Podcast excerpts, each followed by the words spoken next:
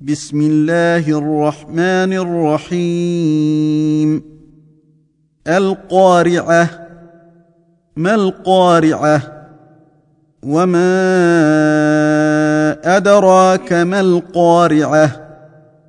يوم يكون الناس كالفراش المبثوث وتكون الجبال كالعهن المنفوش فاما من ثقلت موازينه فهو في عيشه راضيه واما من خفت موازينه فامه هاويه وما ادراك ما هي نار حاميه